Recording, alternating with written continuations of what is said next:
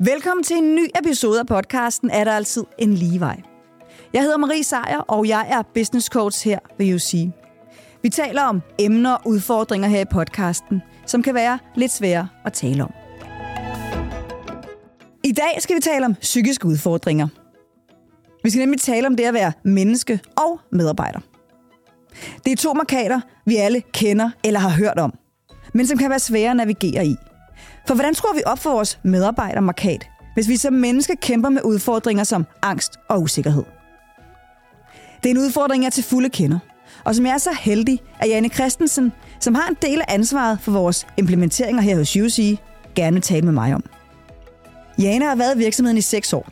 Hun har, som mange andre, startet på telefon som kunderådgiver, og sidder nu med i spidsen for UC's største projekt til dato, nemlig implementeringen af vores nye IT-system. Og så har Jane lidt af angst i store dele af hendes liv. Jane, hun er virkelig vældig. Jeg møder altid positiv genkendelse, når jeg hører hendes navn omtalt. Og umiddelbart virker det som en ret lige og selvsikker vej, hun har valgt i koncernen. Men under en samtale med Jane dukker der noget andet op. Hun fortalte mig om flere afslag, om usikkerhed og om hendes egne tanker, der til tider har drevet hende på omveje. Og jeg blev nysgerrig, for selvfølgelig er det sådan. Der er ingen, der bare hopper på toget og kører uden brems eller afstikkere. Men det kan jeg godt glemme, når der står en selvsikker autoritet foran mig og beretter om det nye IT-system, som UC skal have op og køre. Jeg blev som sagt ret nysgerrig, og jeg fik lyst til at høre mere om de brems og de afveje, som Janes psyke har påført hendes vej. For er det ikke det, der gør os til interessante og hele mennesker? At vejen ikke har været brulagt med rosenblade, men at der skulle kæmpes for at opnå. Jane har om nogen kæmpet, og i dag er hun et sted, som hun selv kalder for et rigtig fedt sted. Velkommen til, Jane. Tak, og tak fordi, fordi du ville komme i dag og være med i snakken. Selvfølgelig. Dejligt. Jane, du siger selv, du er et rigtig fedt sted. Du er med i spidsen for UC's største projekt til dato. Kan du give os uh, tre sætninger på, hvordan din hverdag ser ud? Ja, det kan jeg godt. Den er super uforudsigelig til tider. Øh, der kommer ting ind fra højre, som jeg lige pludselig skal øh, tage hånd om. Et godt eksempel er, at øh, lige nu i skrivende stund, der er jeg rundt på øh, alle lokationerne for at afholde briefings. Det var noget, vi fik planlagt i sidste uge. Fordi at, øh, det var der brug for. Der er også fra tid til anden sindssygt mange møder, øh, hvor at man sådan hopper fra det ene møde til det andet møde, lige skal huske at nå, og så gå på toilet. Det er der ikke altid tid til. Og så er der perioder, hvor at, så er jeg med på ledersamlinger, afholder workshops, som også er en rigtig, rigtig stor del af, øh, af, min, af mit arbejde. Så den, den er meget foranderlig, min hverdag og generelt min, øh, mit arbejde. Og det, og det er et godt sted. Det er fedt. Det er mm. så fedt. Jeg er ikke så god til det der lærer på dig. Øh, og synes jo selvom, at der er perioder, hvor at, så ligger jeg og kører til København i tid og utid, og til Odense og til Aarhus og Sønderborg, så synes jeg, det er sjovt. Altså, jeg tror ikke, jeg tror, jeg har haft to dage i den tid, jeg har siddet den her stilling, hvor jeg bare har tænkt, nu gider ikke, nu synes jeg, det er træls. For ellers så synes jeg bare, det er sjovt. Hvis det er fedt, jeg elsker at være på arbejde. Og jeg kommer til at snakke med så mange mennesker, både i fronten og dygtige kollegaer. Øh, jeg er virkelig beriget i det arbejde, jeg har. Fedt. Det lyder sjovt. Det er mega sjovt. Øhm, men du har også fortalt mig, Jane, at du har lidt og til dels stadig gør af angst. Øhm, dog lige nu fornemmer jeg et mindre omfang, end hvad det har fyldt før. Men kan du give mig sådan en pejling på, hvor meget det har fyldt i din hverdag, da den fyldte mest? Og hvornår det var? Ja, altså vi skal jo nogle år tilbage. Jeg er stadigvæk i UC på det tidspunkt. Øh, og på det tidspunkt, hvor det fylder mest, der har jeg fire, tror jeg, angstanfald om ugen, øh, som kommer til udtryk i det her med, at, at du hyperventilerer. Du har, altså, en følelse af, at du har sådan en meget, meget tung sten på brystet, som faktisk øh, forhindrer hjertet i at slå ordentligt.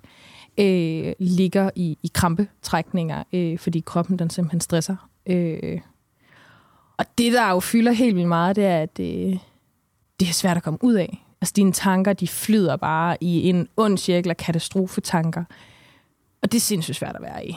Øhm, og fik, øh, jeg har fået noget psykologhjælp til sådan ligesom at finde ud af, hvad er det, der trigger det? Hvad kan jeg gøre?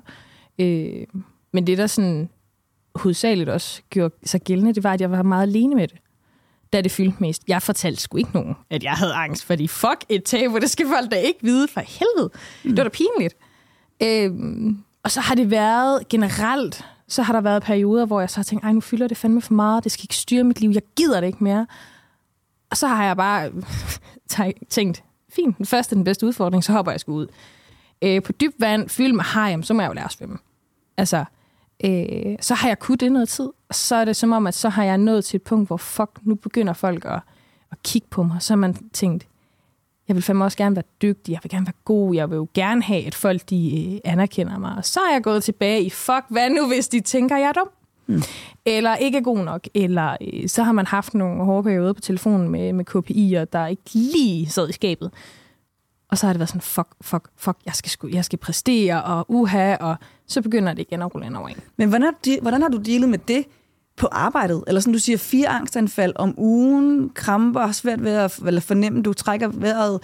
Øh, hvordan, hvordan, hvordan gør man det? Altså, det, det skal man lade være med, fordi det er fandme hårdt. Øh, jeg har jo pakket det ind på arbejde, og så har jeg jo taget det, når jeg kom hjem. Så det er jo kun øh, de tætteste kollegaer, jeg har snakket med privat, og mine venner og familie, der har set den her side. Øh, og det, der sådan har gjort sig gældende på arbejde, det er, så har jeg trukket mig tilbage. Øh, så har jeg ikke været lige så social. Øh, er jo generelt mennesker, der godt kan lide at være social, og godt kan lide at snakke med folk.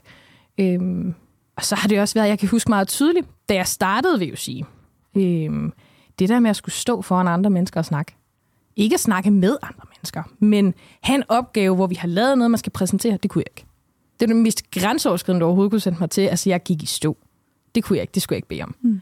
Øh, til at jeg havde en leder på et tidspunkt, der sagde... Altså, jeg lige hvor mange år er vi tilbage, for det virker fuldstændig vildt, at du lige har fortalt mig en, et svar på første spørgsmål om, at det er det, du laver nu allermest. Ja, Hvordan? det er helt tilbage til starten, og så tror jeg, at vi er... Det er for tre, måske fire år siden, at jeg havde en leder, der sagde, ved du hvad, du er pisse dygtig, du skal ud og lave noget andet. Du skal prøve ud at undervise. Og jeg sagde, ja, det skal jeg ikke, nej. Øhm, og det var en periode, hvor at, øh, dem, der valgte underviserne, var ude og spørge lederne, har I nogle kandidater? Og der melder han mit navn i puljen. Og der havde jeg lige præcis et af de der øjeblikke, hvor jeg tænkte, okay, fint nok, så kan det fandme op være lige meget, så må det briste eller bære. Øh, og gik ind til samtalen og tænkte, okay, jeg har forberedt mig. Fordi sådan har jeg det bedst. Så er det nemmere, om ikke andet for mig. Øh, og kan huske, han tydeligt sagde, at man godt mærke, du, du er meget nervøs og puh. Og så gav han mig tre råd, og så sagde han, så prøv lige at komme ind igen. Og så gjorde jeg det, og så var det fandme fedt. Og så ville jeg jo gerne have den stilling. Så ville jeg jo gerne ud og undervise. Så det der med ligesom at få noget hjælp til lige at kunne overskride den der lille grænse, det var. Og nu havde jeg jo præsenteret det en gang, så det var jo nemt nok at komme ind og gøre igen. Så er de der øh, oplevelser og følelser væk i dig i forhold til angsten? Det, Helt, tror, det tror jeg ikke, de nogensinde kommer. Øh, jeg vil rigtig gerne være fejlfri, selvom jeg ved, at det kan man ikke. Øh, så jeg har stadigvæk et, et... Jeg tror ikke, det er angst lige så meget mere. Jeg har ikke angstanfald på daglig basis længere, eller ugenlig basis. Men når jeg virkelig skal præstere, så kan jeg godt mærke, at den banker på. Hvordan kan du mærke det? Det er en meget, meget hurtig hjertebanken, og det der med følelsen af, at den der sten på brystet, som jeg snakker om før, den er der let. Og så fordi jeg jo ved af mange års erfaring, at jeg lige skal lære at trække vejret og helt ned i lungerne, og så lige puste ud, så kan jeg godt for det meste selv få det sådan på afstand. Øh, men fejler jeg en præsentation, så står den og banker på med det samme. Og lukker du den så ind, eller hvordan, hvordan takler man den? Det er jo ikke altid, på? jeg kan, kan styre, om jeg vil lukke den. Nogle gange, så ruller den ind over mig, øh, og andre gange, så har jeg øh, formået at kunne sige det til en leder eller en kollega inden, øh, så de ved, at de skal være opmærksomme. Øh, nu er jeg meget åben omkring det til min nuværende leder også, som jo også ved, at hvis der er noget, jeg ikke synes er godt nok, så har vi en rigtig lang snak om det, for ligesom at få det vendt, så jeg ikke ryger ud i de her katastrofetanker, som kan ende i et angstanfald. Mm. Så det er den måde, jeg bearbejder det nu. Øh, men det har været en lang vej om overhovedet at, at åbne op for en leder i forhold til, øh, hvordan jeg også tænker i sådan en situation som angst. Mm. Hvad har det sådan givet dig at åbne op omkring det? Eller har det givet dig noget overhovedet at, at lige pludselig være okay med at sige det til folk omkring dig? Altså, det har jo givet mig rigtig, rigtig meget. Øh, særligt i forhold til, til nogle af de ledere, jeg har haft gennem tiden. Øh, jeg husker meget tydeligt, jeg havde en situation, hvor jeg skulle søge en stilling. Øh, det var ved lønning i sin tid, og jeg ville så gerne have den. Altså, jeg ville så gerne have den. Og det gik bare helt af helvede til. Jeg var så nervøs, og jeg var slet ikke der. Altså til samtalen? Ja. Mm. Øh, en uge op til og til samtalen øh, var jeg så nervøs, at jeg, jeg var nærmest helt ved siden af mig selv. Øh, fumlede rundt i ordene og kunne slet ikke, øh, fordi at hele det der katastrofecenter op i hovedet bare var i gang. Så jeg sad ikke ind til samtalen og hyperventilerede. Det er slet ikke der, vi er. Men den bankede på. Og jeg kan huske, at jeg var i København på det tidspunkt og går hjem på hotelværelset og har et angstanfald. Øh, og ringer til noget familie for ligesom at få, få hjælp og få snakket det igennem. Øh, og det var også sådan, at, at de kaldte mig jo ind til en samtale mere for at sige, hvad, hvad fanden skete der? Du var slet ikke den Jane, vi sådan normalvis møder, når vi snakker med dig, og måtte jo så øh, krybe totalt til kors og sige, men der, der er bare rigtig mange ting, og fortælle om angst, og hvad det kan stamme af, og sådan noget. Øh, og vi havde jo en helt vildt god snak omkring det, og det var rart. Det der med øh, lige meget, hvor grænseoverskridende det er at sidde en på Teams og en lige foran, og så sidder du bare og græder. Men det var rart bagefter, fordi jeg havde virkelig sådan en, en, en følelse af, at de forstår, hvad fanden det er, der foregår. De forstår, hvad det er, jeg går igennem. Og de anerkender, at det er pisse hårdt, og at det også kan ske for alle. Altså, så det der med faktisk at blive forstået, det hjalp rigtig meget. Og så havde jeg en sindssygt dygtig leder på det tidspunkt, øh, og ringede og sagde, det er noget lort. Du er simpelthen nødt til at hjælpe mig. Du er nødt til at sørge for, at det her ikke sker igen. Og så havde vi nogle lange snakke øh, omkring, hvad er det, der sker? Hvad, hvad er det, jeg tænker? Øh, hvad kan jeg gøre i stedet? Er der noget, jeg kan tænke i stedet for? Kan jeg stoppe det, inden at det begynder at være sådan en snibbold, der bare ruller? Og så var det jo noget, vi arbejdede benhårdt med, for at jeg også følte mig sikker øh, i mig selv, for det er jo nok det, det kommer af også. For hvad er det, man tænker, når man sidder... Hvad er det, du tænker, når du sidder og mærker, at den banker på? Hvad er det så, du øh, er bange for? Åh, oh, det er jo mange ting. Mm. Det er jo noget så simpelt som, at øh, folk de tænker, hun har jo ikke styr på, hvad hun laver. Hun aner ikke, hvad hun snakker om. Ej, hvor er hun uvidende. Hvorfor ved hun ikke bedre? Det der, det ved alle da. Det er sådan nogle øh, mm. helt, helt lavpraktiske ting, som, som jeg synes er vildt grænseoverskridende, øh, at andre skulle tænke om mig. Og man kan sige, at altså, det bærer jo også frugt, fordi jeg har en samtale nogle måneder senere, øh, som øh, skulle være til teamleder. Øh, Øh, og samtalen går pissegodt. Jeg var ikke nervøs. Jeg havde en fed samtale. Dynamikken var også god, og altså, jeg fik ikke jobbet, men selve samtalen og selve oplevelsen med at have samtalen var jo i dyb kontrast til den, jeg lige havde haft nogle måneder tidligere. Altså, så det der med at være åben og være ærlig, øh, og have en leder, der også lytter og siger, det er fair, så må vi jo løse det. Det gør en kæmpe forskel. Mm. Men man kan sige, som jeg hørte i hvert fald, så starter den jo i, i, at, i med, at du tør at sige, jeg har det sådan her, det er derfor, jeg agerer, som jeg gør lige nu. Ja, det gør det også. Ja. Der er jo ikke nogen, der nødvendigvis skal se det på dig. Mm-hmm. Okay. Det handler også om, hvor god du er til at, at pakke det væk eller skjule det. Det var jeg jo i mange tilfælde 100 meter mester i, fordi jeg jo ikke havde angstanfald på arbejde. Mm. Jeg pakkede jo alt ind og blev vildt anspændt i kroppen, og så når jeg ramte bilen eller ramte derhjemme, så var det der, det skete. Og Jan, jeg kan jo ikke andet end at sidde sådan og være vildt imponeret over, hvor du så er i dag, og den stilling, du så har fået i dag, står i spidsen for et kæmpe projekt, vi kører herinde lige nu. Og vi kører i lang tid fremadrettet. Du må blive presset tit. Øh, men jeg hørte også sige, at den godt kan banke på endnu, men at du, det virker som om, at du har en, en mere kontrolleret tilgang til, hvad skal der så ske med mig, når jeg får sådan nogle tanker? Ja, altså man kan sige, det er jo kontroversielt. Jeg starter ved at sige, at jeg kan ikke snakke foran fire mennesker. Øh, og har for nogle måneder siden stået og snakket til en ledersamling for, jeg tror, vi var 100. Øh, jeg tror, forskellen er, at jeg har arbejdet med det meget konsekvent og blevet meget bevidst om, hvad er det for nogle paniktanker, jeg får lige op til. Øh, og så ligesom lære at skubbe dem ud. Og noget af det, jeg jo også bemærkede til den her ledersamling, det var, at de paniktanker var der ikke i så stor grad. Så jeg valgte at fokusere på de andre tanker, som fyldte, og var sådan, okay, jamen, så er det sgu nok ikke så slemt. Så må jeg jo bare gå op og snakke. Det kan jeg godt. Pjat, fint. Så næler vi den. Og så gik det jo godt. Mm. Der er stadig ting, jeg gerne vil gøre bedre, men jeg har ikke den der følelse af, at jeg har fejlet, eller det har ikke været godt nok overhovedet. Altså, mm. det er jo en kæmpe kontrast fra 4 til lidt over 100. Ja, det må man sige. Det, er, øhm, det kan i hvert fald få rigtig mange mennesker ud og blive nervøse, tænker jeg, hvis man skal stå der foran 100 mennesker. Jamen, jeg har jo også fået rigtig meget hjælp, også i den tid, jeg har været underviser til, altså få sådan nogle tryghedsregler, når man skal snakke foran folk. For eksempel øh, have tre krydser i et, øh, i et lokale, når du underviser.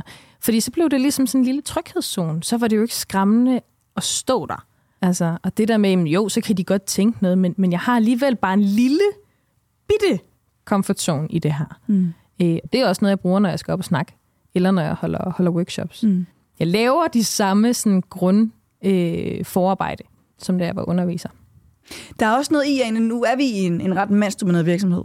Og jeg, og jeg sidder sådan tænker sådan, og er lidt, lidt nysgerrig på, om, der, om, du, om du tænker, der er en forskel i at være en, en kvindelig autoritet, som, som du i hvert fald er i mine øjne, i en så mandsdomineret virksomhed som den her. Tænker du, du bruger nogle andre øh, kompetencer, end du ville gøre, hvis du var i en virksomhed, hvor der primært var kvinder? Ja, det tror jeg. Øh, jeg gør i hvert fald noget helt anderledes. Øh, nu er mine to øh, tætteste kollegaer, dem jeg arbejder mest sammen med, det er mænd. Øh, jeg tror for mig, der har det været sindssygt vigtigt at åbne op. Også fordi det er jo det, jeg har haft erfaring med, der, der hjælper, så jeg ikke får angstanfald, eller tænker, fuck, det er noget lort, men har jo også været grænseoverskridende. Altså, jeg har en kollega, jeg har ringet til og sagt, jeg føler virkelig, at du tror, jeg er dum, eller at du synes, jeg er dum. Det er, kan afsløre et super grænseoverskridende opkald at skulle lave, og øh, heldigvis så havde jeg jo en kollega, der sagde, det, det ved slet ikke, hvor du har det fra. Altså, det... Nej, overhovedet ikke. Men det der med at turde sige det højt, og turde stille sig så sårbar, øh, det tror jeg, jeg gør mere bevidst og langt mere konsekvent i den mandsdominerede øh, verden, vi er i. Fordi jeg tror ubevidst, så vil jeg nok tænke, det, det, altså, Marie, du kan da se det på mig, kan du ikke? Altså, Mm. Og det er jo øh, i og for sig øh, super fejl, for det er jo ikke alle, der på nogen måde kan det, mand eller kvinde. Jeg tror bare, jeg er langt mere bevidst omkring det, fordi det er en stor del af mig. Øh, også i forhold til, at jeg har haft angst, mm. men også generelt. Det er også nemmere for mine kollegaer, hvis de ved, puha, Jane, hun har sgu da haft en dårlig dag, eller en dårlig uge, af den ene eller den anden årsag. Altså, jeg skal måske bare lige øh, sige en ekstra gang, hey, du gjorde det godt. Eller, skal jeg ikke lige gøre det der? Og det er jo noget af det mest lavpraktiske, vi egentlig kan, kan gøre som kollegaer generelt. Jeg har bare aldrig tænkt over det, når jeg har haft mange kvindelige kollegaer. At den er, det er virkelig spændende, jo, at det har ændret din måde at tænke på, hvordan, hvad det er, du skal bede om fra folk. At du beder om det mere eksplicit i forhold til det mænd, du arbejder sammen med. Hvor, hvor der har været en forventning, i hvert fald fra at høre dig sige, at du forventede, at kvinderne kan, kan se det på dig. Ja, og man kan sige, nu, nu forventer jeg, at det ikke er nogen. Nu er jeg ret øh, omkring, at jeg vil bare gerne være åben, fordi der er ikke nogen, der er tankelæser. Der er ikke nogen, der nødvendigvis kan læse mm. mit kropssprog, selvom det kan være super tydeligt. Altså, og det er også en, det er en vildt tavlig forventning at have altså, til andre, dybest set. Altså, så det har også det har lettet rigtig, rigtig meget, og tror jeg har været medvirkende til, at jeg ikke lider af lige så mange angstanfald længere. Øhm, det der med at være åben og sige, okay, det, det er ikke tabu nødvendigvis, øh, hverken det at have angst, øh, angstanfald, eller bare åbne op og vise, at man er sårbar. Fordi vi er jo alle sammen bare mennesker. I din, øh, I din historik herinde, eller sådan din tid herinde i de fire år, du var på, var på telefon som kunderådgiver, tænker også, der har været nogle perioder, du, du selv inde på dem, der har været svære, og også for dig selv, sådan menneskeligt, øh, psykisk. Øh, har der været nogle tidspunkter, hvor du har haft lyst til at, at give op? Altså, du har søgt stillinger, du har fået afslag på. Du har ikke kommet igennem de steder, hvor du, hvor du gerne ville til at starte med de første fire år. Har der været tidspunkter, hvor det har været nemmere bare at gøre noget andet? Søg væk? Ja, absolut. Der har der virkelig været tidspunkter, hvor jeg tænkte, ej, det er fandme også bare nederen og øv, og så selvfølgelig, alt andet vil være mærkeligt. Øh, jeg har jo taget en lidt længere vej end nogle af mine, øh, end nogle af mine andre kollegaer, så selvfølgelig har jeg da tænkt, okay, men er det bare fordi, jeg ikke er dygtig nok? Øh, er det fordi, jeg skal noget helt andet?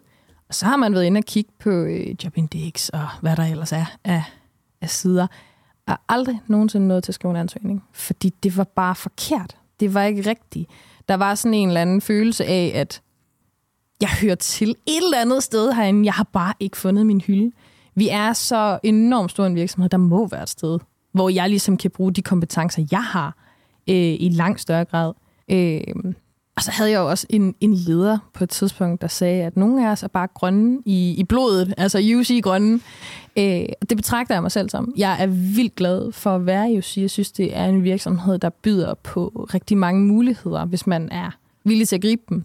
Altså, øh, så sindssygt, sindssygt glad og stolt for, hvor jeg er i dag, og generelt min udvikling i virksomheden. Ja. Men ja, jeg har overvejet, og ja, jeg har kigget.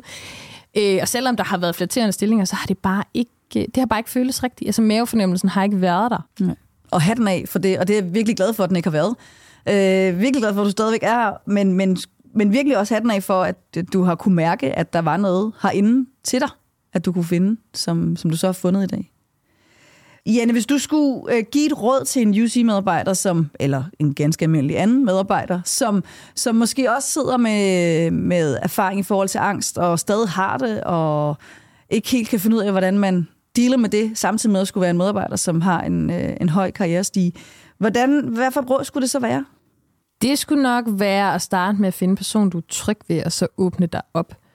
Øh, og man kan sige, hvis du ikke har betroet dig til nogen før, så er det fuldstændig uagtet, om det er leder eller om en god kollega, men bare det der med at få det sagt højt. Altså, fordi det er lidt ligesom at få, altså tage den der sten fra hjertet, og så ligge. Og så kan du lige ånde ud bare for et øjeblik. Og så er det ikke lige så grænseoverskridende næste gang, du skal fortælle det. Og så kan det jo være til en leder, som kan være med til at rykke dig, og måske kan se, okay, det er derfor, du har de reaktioner, eller så er det måske ikke den her vej, du skal gå, men måske har en bedre forståelse for, hvem er du, og hvor kunne du passe ind i virksomheden. Så det vil helt klart være mit råd, det der med at gradvist åbne op i mennesker, du er, er tryg i. Har det gjort dig til en bedre medarbejder? Det er måske lidt sigende sagt, men har det gjort dig til en bedre medarbejder at, at åbne op omkring de dele af dit privatliv? Det er et øh, meget godt spørgsmål, om det har gjort mig til en bedre medarbejder. Øh, jeg kan kun tale ud fra, fra mit eget sådan, billede, øh, og jeg er en glædere medarbejder, mm. øh, kan jeg jo sige. Jeg trives rigtig, rigtig godt, fordi det ikke er så svært længere, og det er meget mere, altså jeg er jo meget tæt på mig selv, i forhold til, jamen hvis tingene er svære, så i tale sætter man det. Fordi så når jeg ikke ud til der, hvor at jeg har det helt vildt skidt. Altså så på den måde, så tror jeg, det har gjort mig til en bedre medarbejder. Jeg har i hvert fald lært rigtig meget om mig selv, mine egne grænser, Øh, hvornår skal jeg virkelig stå op for mine grænser? Hvornår er det tid til at altså, overskride de grænser og rykke mig personligt? Hvornår skal jeg være i min comfort zone? Hvor lang tid? Og hvornår skal jeg bare fuldstændig ud på dyb vand? Øh, der er jo stadig meget at lære. Altså, jeg tror, det har gjort det nemmere at være medarbejder også. Mm. Og så tage imod hjælp. Fedt. Jenny, jeg vil i hvert fald sige uh, tusind tak, fordi du ville dele det med os. Det har været en kæmpe fornøjelse, og og øh, helt vildt inspirerende at lytte til et, øh, et menneske, som har det helt vildt okay med at dele ud af, hvad der, hvad der er foregået inde i dig. Fordi det er jo også påvirket din måde at være medarbejder på, og påvirket din måde at være, være ansat her på. Øhm, det er helt vildt glad for. Tak for det. Tak fordi jeg måtte komme. Velbekomme. Det var en snak om at kæmpe med angst, samtidig med, at man som Jane har masser af ambitioner og en drøm om at lande et stort job med masser af ansvar. At have angstanfald fire gange om ugen. Hyperventilere og ligge i krampe, fordi kroppen stresser. Det lyder virkelig ubehageligt. Og til med være alene om det. Det må være umenneskeligt. Janes redning blev at være nødsaget til at bede om hjælp. At indvide de mennesker omkring hende, hun havde tillid til, og fortælle dem om sine mentale udfordringer. At lære at dele ud af sig selv, på trods af, at det ikke er rosenrødt, var helt nødvendigt for Janes måde at komme igennem angsten på. Jo mere attention hun giver angsten, jo mindre fylder den. Og som jeg hører Jane, jo mere glad bliver hun.